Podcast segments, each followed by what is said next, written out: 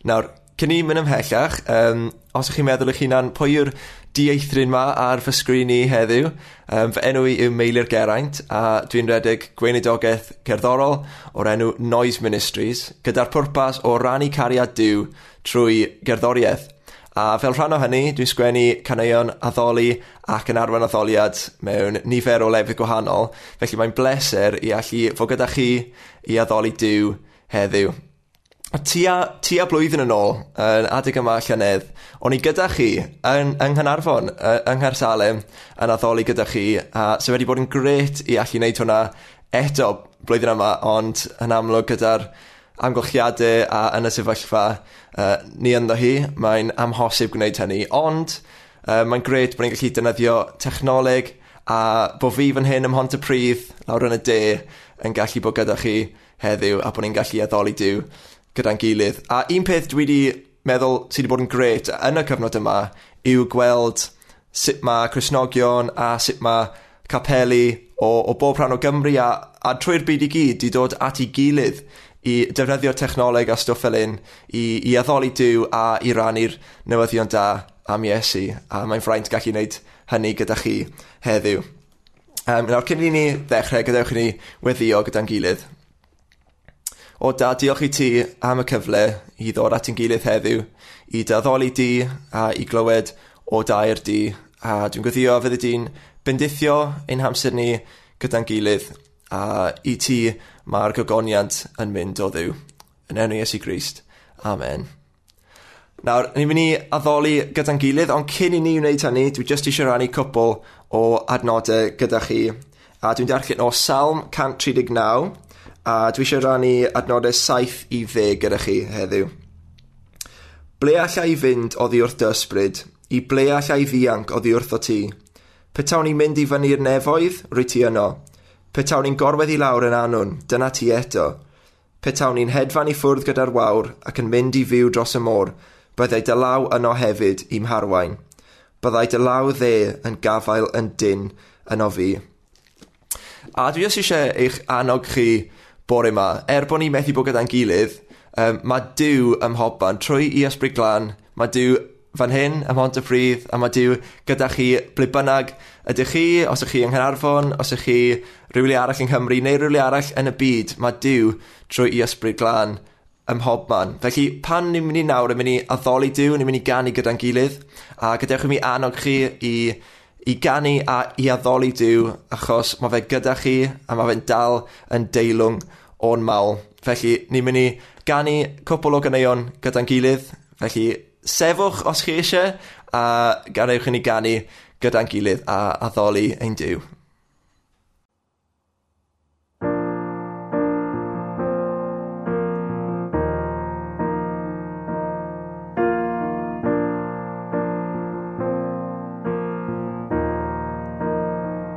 Fydd garaf yw'r Dydd drigaredd byth yn methu Trwy nyddiau oll Rwy'n ddiogel yn dylaw. O'r iliad pan rwy'n deffro Nes i myr roi fy mhen i law.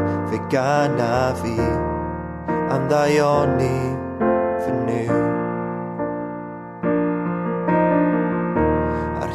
fy oes ti sydd yn ffyddlon. Ar hyd fy oes fe fi os mor, mor dda.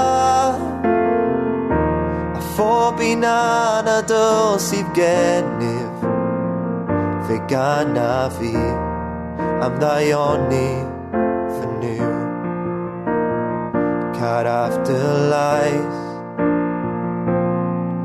wedi farwain drwy y fflamau. A'r dywyll nos rwy ty nesaf ata fi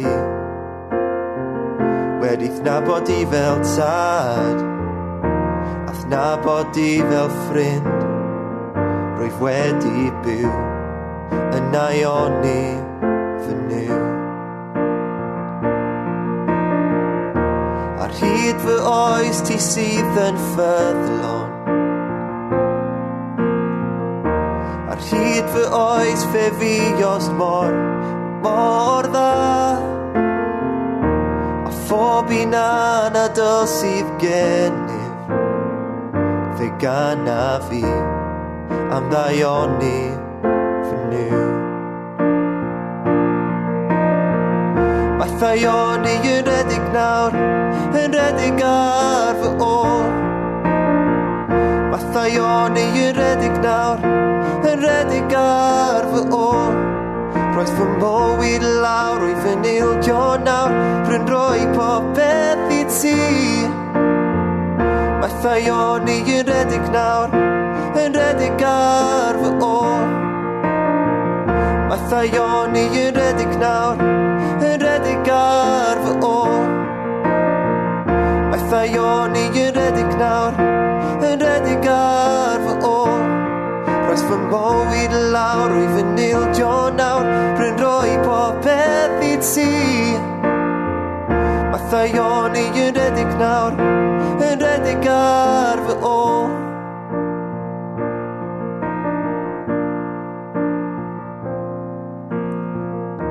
Ar hyd fy oes ti sydd yn ffyddlon hyd fy oes fe fi os mor, mor dda. A phob un anadol sydd gennyf, fe gana fi am ddaioni fy niw. Fe gana fi am ddaioni fy niw.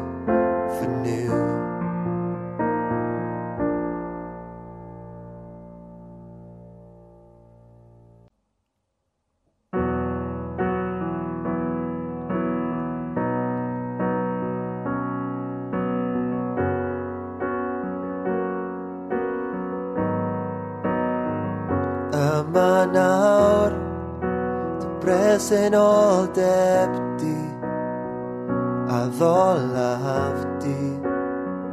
Adolavti Amanaur Gweithio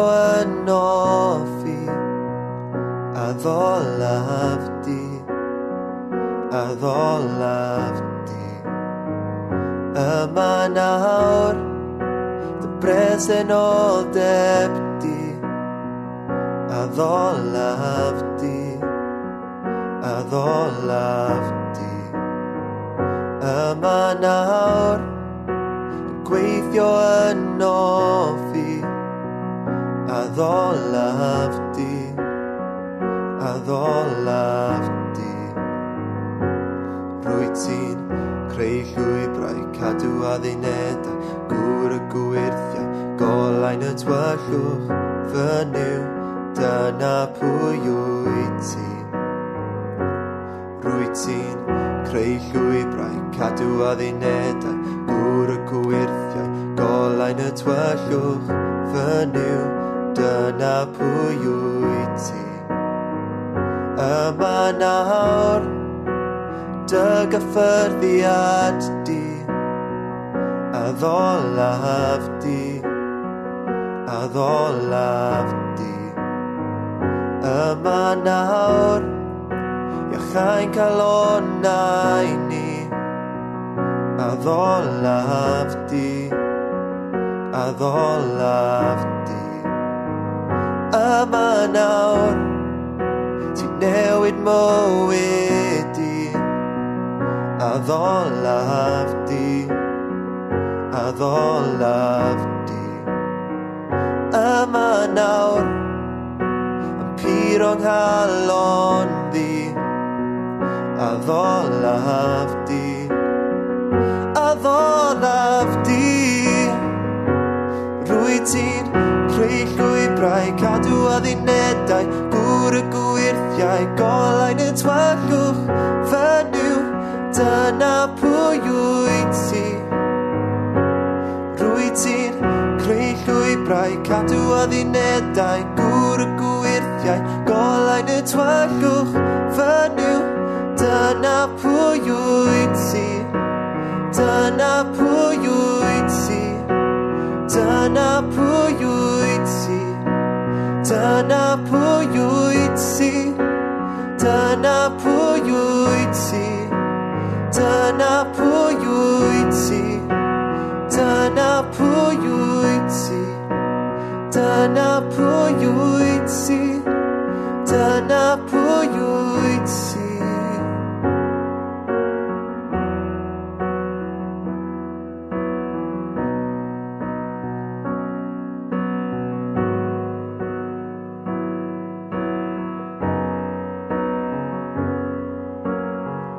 Er fy ngolwg di ffygio ti'n brwydro.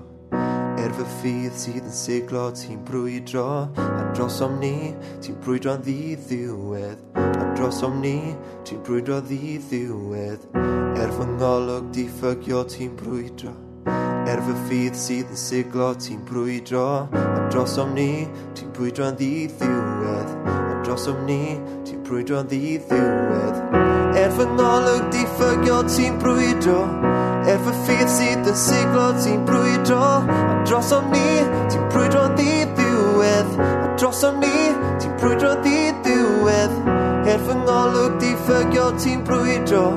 Er fy ffydd sydd yn siglo ti'n brwydro. A dros o'n ni, ti'n brwydro'n ddi diwedd A dros o'n ni, ti'n brwydro'n ddi diwedd Creu llwybrau, cadw a ddinedau Gŵr y gwirthiau, golain y twagwch Fynyw, dyna pwy wyt ti.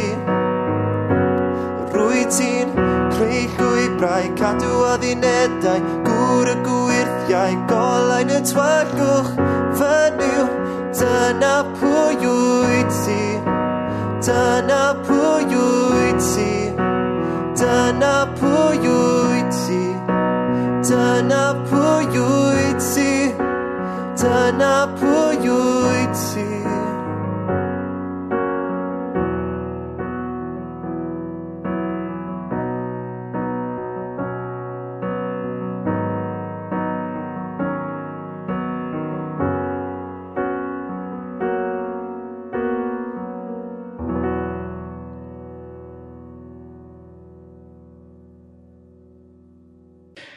Wel, helo ffrindiau. Um, mae o'n gret cael Cynan, Cym a Siwan yn ymuno efo ni bore yma yn y gwasanaeth.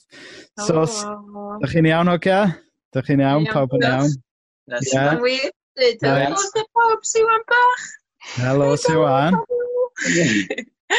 Ti'n dweud helo, ti'n dweud Cersolem. Helo, bobl Gynarfon. Helo. So, sut dych chi'n dod yn eich blaenau, Ogia? Okay? Um, da ni'n neud yna, da ni'n uh, setlo nawn yn eitha da efo Siwan yn rhan o'r teulu. Um, mae o'n gyfnod eitha rhyfedd achos yr lockdown ma o ran bod ni, um, bod ni ddim yn cael gweld pobl, ond mae'n mae, mae, mae gret hefyd achos da ni'n cael gori amser efo Siwan hefyd. Lle. So, da ni'n eitha da, deg gwir. Yeah. Se mae'r ma cysgu yn mynd, Cam? Te, o'n i disgwyl sef lot gwaith o fod yn onast. Oedd Siwan pethefnos yn hwyr a dwi'n licio meddwl bod hi wedi darllen rhyw fath o Maxine Babis yn y cyfnod yna achos mae wedi dod allan yn berffaith, mae'n cysgu mwy na bynnu ddisgwyl a mae hi jyst yn babi mor bodlo. Thank you. Mhm. O, oh, da iawn. Wel, mae'n edrych yn fabi bach del a mae'n edrych yn fabi bach da iawn hefyd. So. Ynddi, na, hi wir. Dwi, ie. Yeah. Wel, um, Oes na rhywbeth um, penodol wedi, wedi'ch cynnal chi um, trwy y lockdown hyd yma? Os gennych chi rhywbeth, rhyw aironogaeth neu rhywbeth i rannu efo ni? So, mae lot beth wedi cadw ni fynd yn ei ddweud oedd yn onast. So, oedden ni yn amlwg yn pryderu'n dod i fewn i'r cyfnod yma achos o'r feirws a oedden ni'n gwybod oedd um, cymorth proffesiynol yn mynd i fod llai na arfer ac oedd hynna'n pryderu ni achos babi gyntaf ni a um, da ni wedi cael lot o ffrindiau a teulu wedi bod yn trio cadw mor agos a fedrwn ni i ni dros y we lle a heibio pas- heibio pasio tŷ. Um, to, da ni wedi cael ffrindiau yn gweddïo droston ni ac yn cadw mewn cyswllt da ffordd teg i nhw yym ma' chi adnod oes? Does yeah, so yna adnod 'da ni wedi um, sy wedi annog ni rŵan ydi yym Salm pedwar deg chwech adnodd a 2, so mae'n dweud Mae Dyw yn ein cadw yn un saff ac yn rhoi nerth i ni. Mae bob amser yn ein helpu pan mae trafferthion. Felly fydd gynnon ni ddim ofn hyd yn oed bethau'r ar yn ysgwyd a'r mynyddoedd yn syrthio i ganol y môr. Jyst yn anogaeth, dim ots maint Um, mae'n pwysig yn crio, mae'n strens da ni'n cael strygl efo, efo deffro nos os ydyn ni'n gorau gwneud llunio unrhyw, unrhyw beth sydd yn uh, drafferthus neu'n poeni ni ynglyn â bod ni'n cael gweld pobl. Um, mae hwnna'n ma hwnna anogaeth i ni, lle, bod ni'n mm. gwybod bod Dyw yn yn cadw ni'n saff, lle, ac yn edrych ar yn hol ni. Ni'n deitha gyna, nes i darllen y salm yna i gyd, ac nes yn teimlo fatha, oedd o'n neidio allan amdano fi bod Dyw yn cadw ni, a dim ots pa trafferthion, da ni'n mynd trwy, da ni gyd yn mynd trwy trafferthion, twa, i ni yn amlwg da ni'n colli cwmni pobl, achos da ni ferch bach newydd, um, ond mae pawb o trafferthion gwahanol, personol, ac da ni eisiau teimlo fatha, Mae'n bwysig bod ni'n cadw'n ffydd a bod ni yn sylweddoli mae Dyw dal efo ni. A dim ots faint da ni'n pryderu neu faint da ni'n upset neu faint da ni'n disappointed, really. Um, mae Dyw dal efo ni. Um, Swn i'n dweud, y pethau gwynt o gweddi ni, really, ydy pethau fel bod ni um, wedi teimlo fatha bod yn gallu bod yn anodd bod ni eisiau rhannu a llawenhau efo pobl am siwan a felly. So weithio, da ni'n ffeindio fan eitha strygl i bod ni'n ddim yn cael gweld pobl wyneb, wyneb er mor dda wedi cael gwneud o dros y Zoom yn felly lle, neu dros um, fideo lle. Mm. Um, ond just um, bod ni'n cael anogaeth bod, uh, bod pobl hefo ni, a felly bod, bod ni ddim yn teimlo um, yn yr cyfnod lle da ni eisiau rhannu hyn, bod ni'n unig lle. Mm. Um, ond hefyd, jyst y fendith, ef diolch am y fendith, bod ni yn cael yr amser yma hefyd, achos wrth gwrs, Um.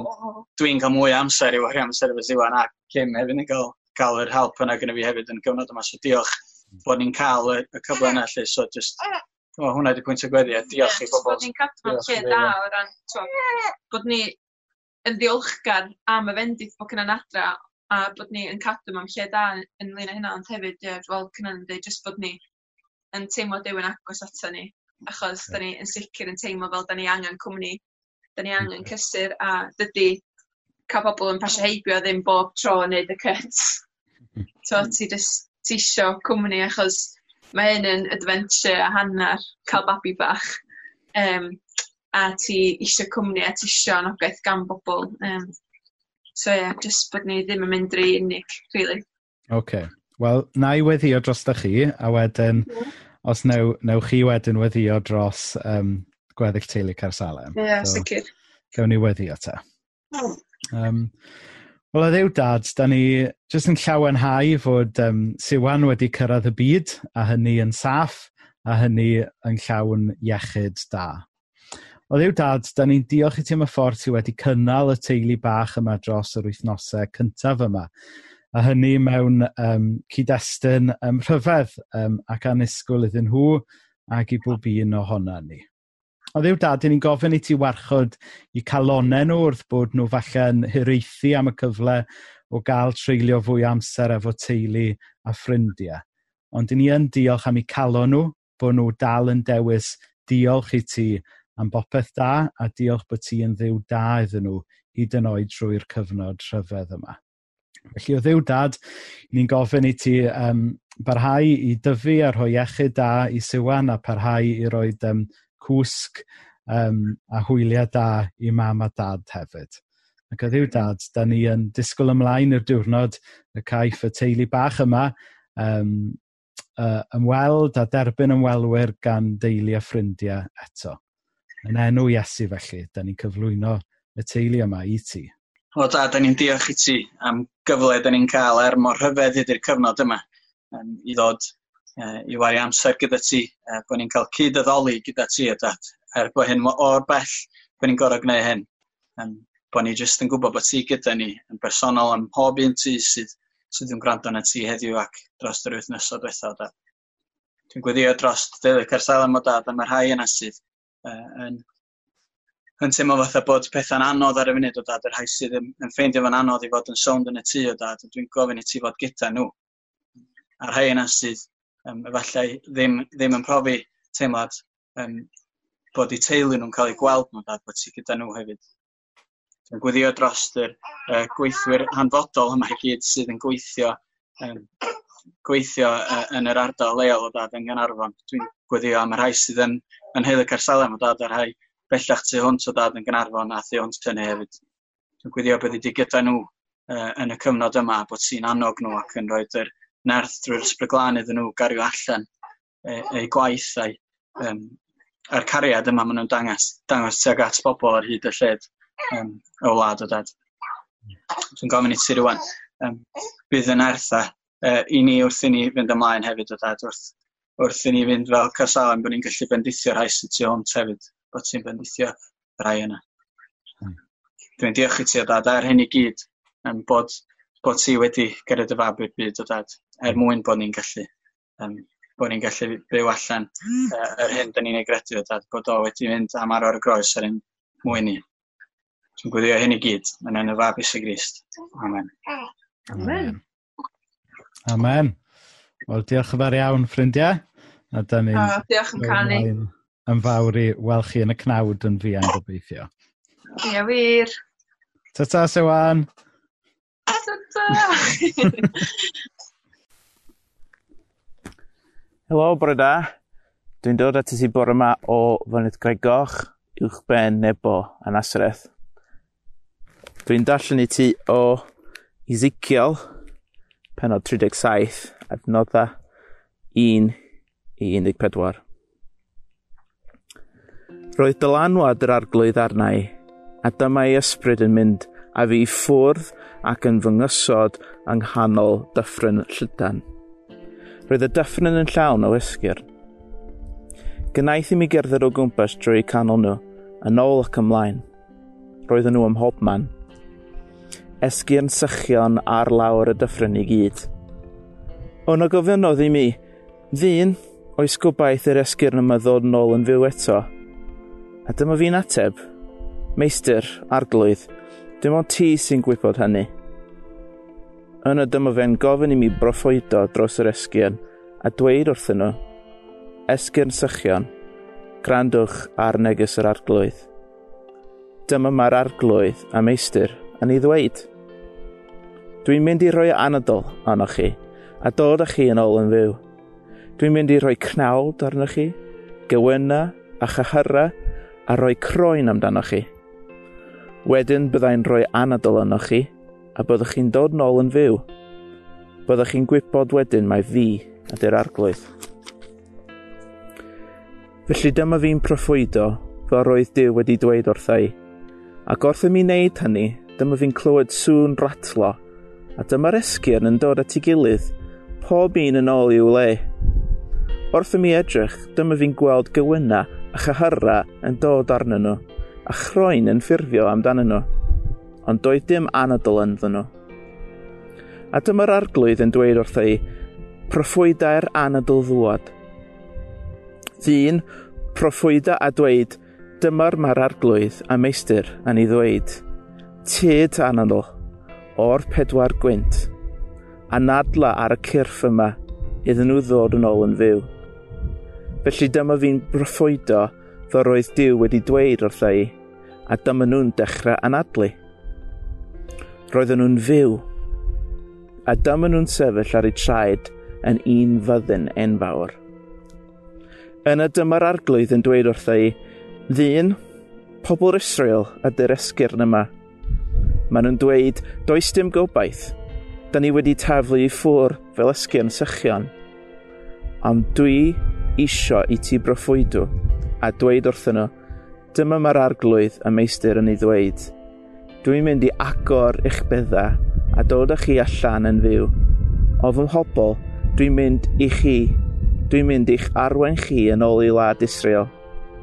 Pan fyddai'n agor eich byddau a dod â chi allan, byddwch chi'n deall wedyn mae fi ydy'r arglwydd. Dwi'n mynd i anadlu fy ysbryd fy hun i mewn i chi, a byddwch chi'n byw. Dwi'n mynd i'ch setlo chi i lawr yn ôl yn eich gler eich hunan, a byddwch chi'n deall wedyn mae fi ydy'r arglwydd. Mae beth dwi'n ddweud yn mynd i ddigwydd, meddai'r arglwydd.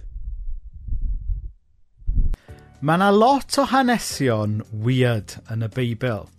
Rhai ohonyn nhw'n ddoniol, eraill yn bizar, a rhai yn codi dychryn arnoch chi. A mae'r hanes sydd gyda ni heddiw am proffwyd Ezekiel yn proffwydo, pregethu a siarad ag esgyrn sychion yn ticio pob un o'r bocsys weird yna. Ond yn aml, mae'r Beibl yn siarad gwirioneddau mawr a phwysig gyda ni trwy'r hanesion bizar yma.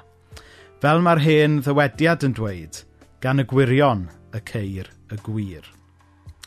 Er mwyn ceisio deall gwahanol rannau o'r Beibl a'i berthnasedd i ni heddi, mae'n rhaid i ni drio deall rhywbeth am y cyd-destun gwreiddiol pan gafodd ei sgwennu i ddechrau.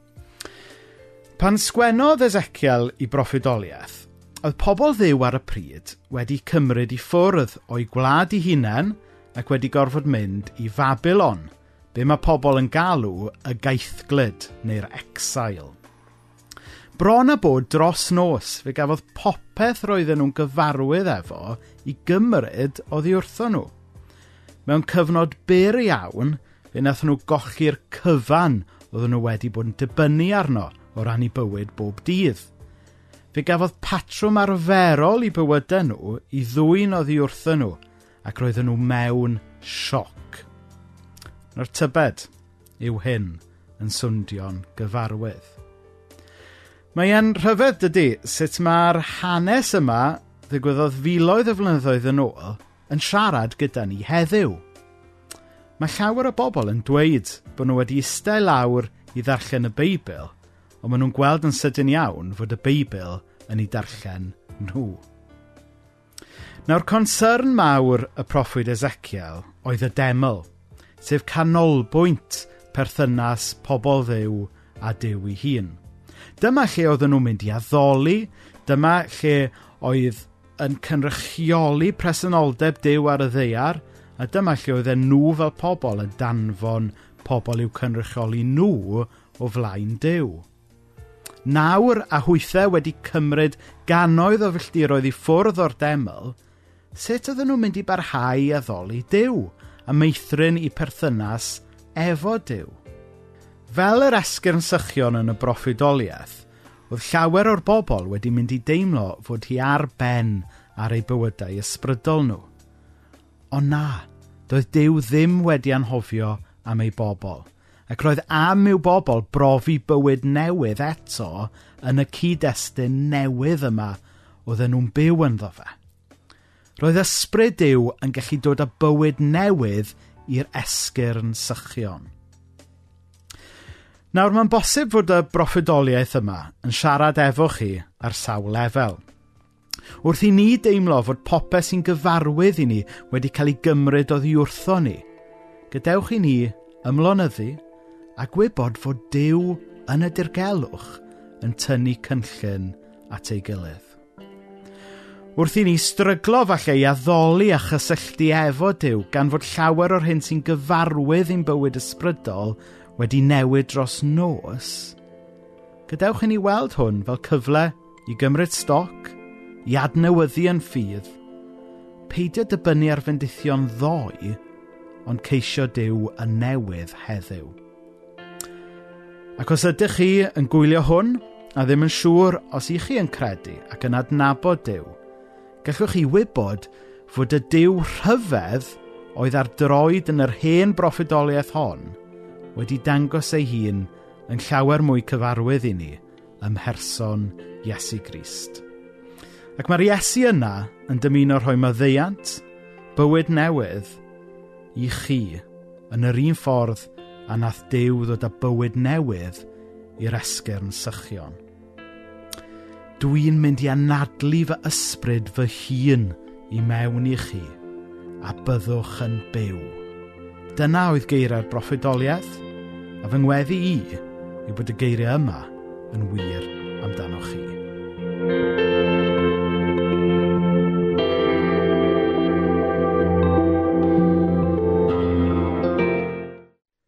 Wel, diolch yn fawr iawn i bawb sydd wedi cymryd rhan yn yr oedfa heddiw.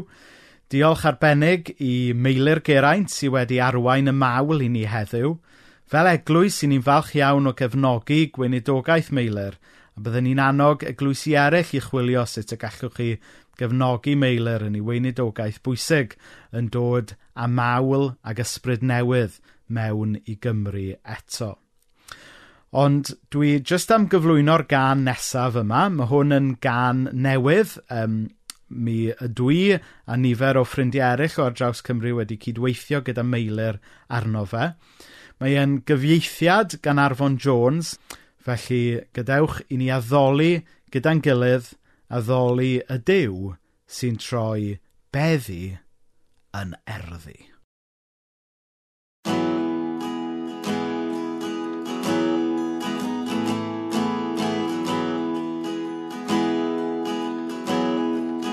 chwiliais drwy'r byd.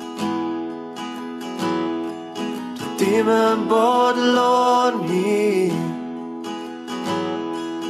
Canmol iaith dyn Trysor a'r byd.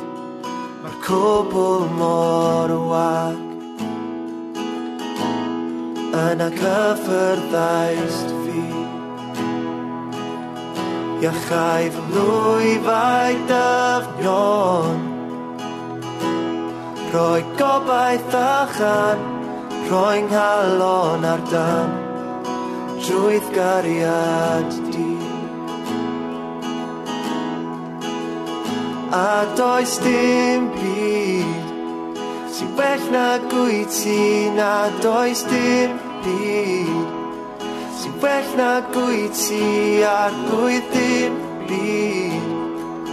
Dim byd sy'n well na gwyt ti. Sgen i ddim ond. Dangos fy nwendyn A meddiannau i gyd. A weli yn glir ond ti dal i mi'n ffrind. Achos diw yn mynadol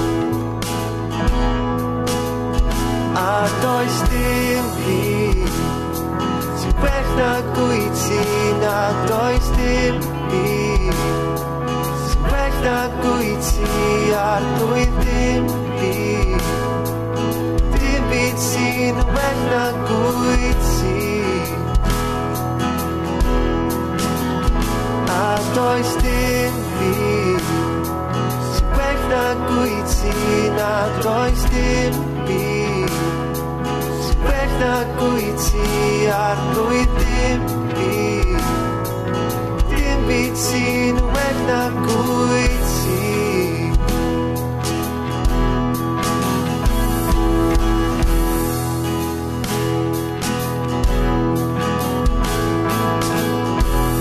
sajnálarından soha Szín rajmával kekidő Szín saj kvédítő nobáj Tím on szín kaklik lé Szín sajnálarından soha Szín rajmával Ti'n troi gwilydd yn obaith Dim ond ti sy'n gallu gwneud Ti'n troi beddau yn erdi Ti'n troi esgyd yn fynydd. Ti'n troi moroedd yn griffith Dim ond ti sy'n gallu gwneud Ti'n troi meddau yn eli Ti'n troi esgyd yn fynydd Ti'n troi moroedd yn rifyr Dim ond ti sy'n gallu gwneud. Dim ond ti sy'n gallu gwneud. A does dim byd Sy'n gwell nag wyt ti na does dim byd. Sy'n gwell nag wyt ti ar blwydd dim byd. Dim byd sy'n well nag wyt ti. A does dim byd. Sy'n well nag wyt ti na does dim byd sy'n Ti bella gwy ti ar blwyddyn byd Dim byd sy'n well wella gwy ti.